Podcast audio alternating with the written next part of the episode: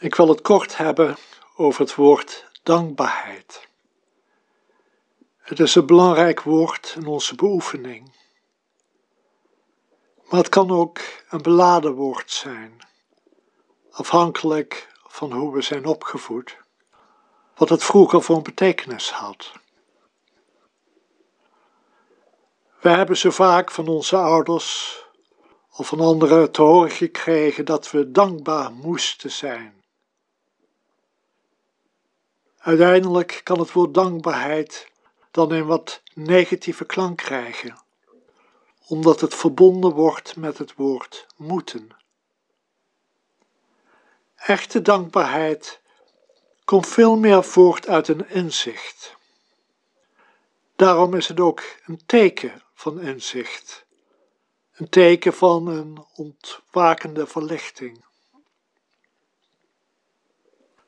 Dankbaarheid groeit wanneer het inzicht verdiept in hoe rijk je elk moment bent en wat er elk moment aan jou gegeven wordt. En er wordt ongelooflijk veel gegeven. Ga winkelen in de supermarkt en dan liggen al die producten te wachten op jou.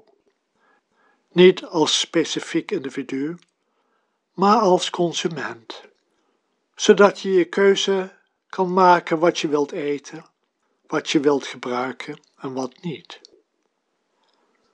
Als je thuis komt en de televisie aanzet of de radio, zijn al die programma's die gemaakt zijn voor jou. Ook weer niet voor jou als individu, maar voor jou als kijker, als luisteraar.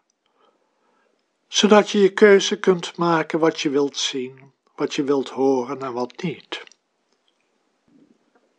Alle boeken zijn geschreven voor jou als lezer.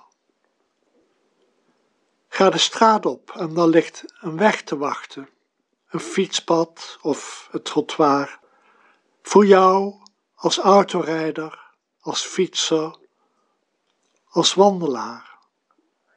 En s'nachts verlichten de lantaarnpalen jouw weg.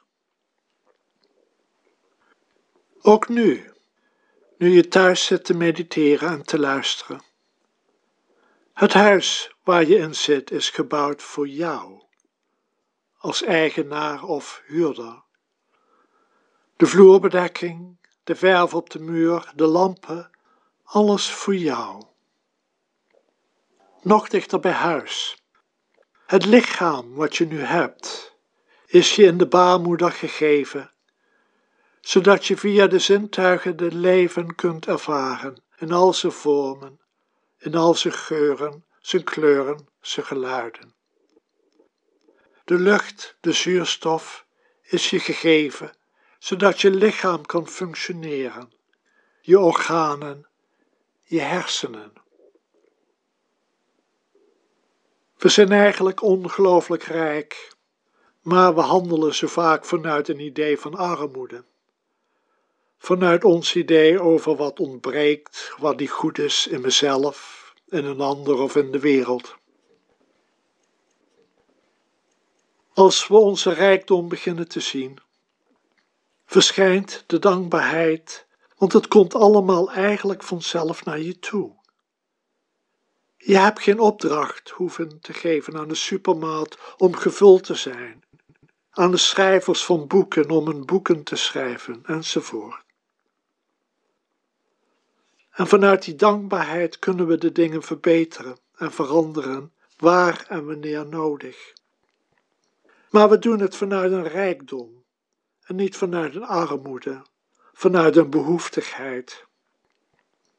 En dat maakt een enorm verschil in hoe we de dingen willen veranderen of verbeteren. Een behoeftig mens vindt altijd dat hij wat tekort komt hij zet zichzelf daarin per definitie centraal. Een rijk mens wil delen.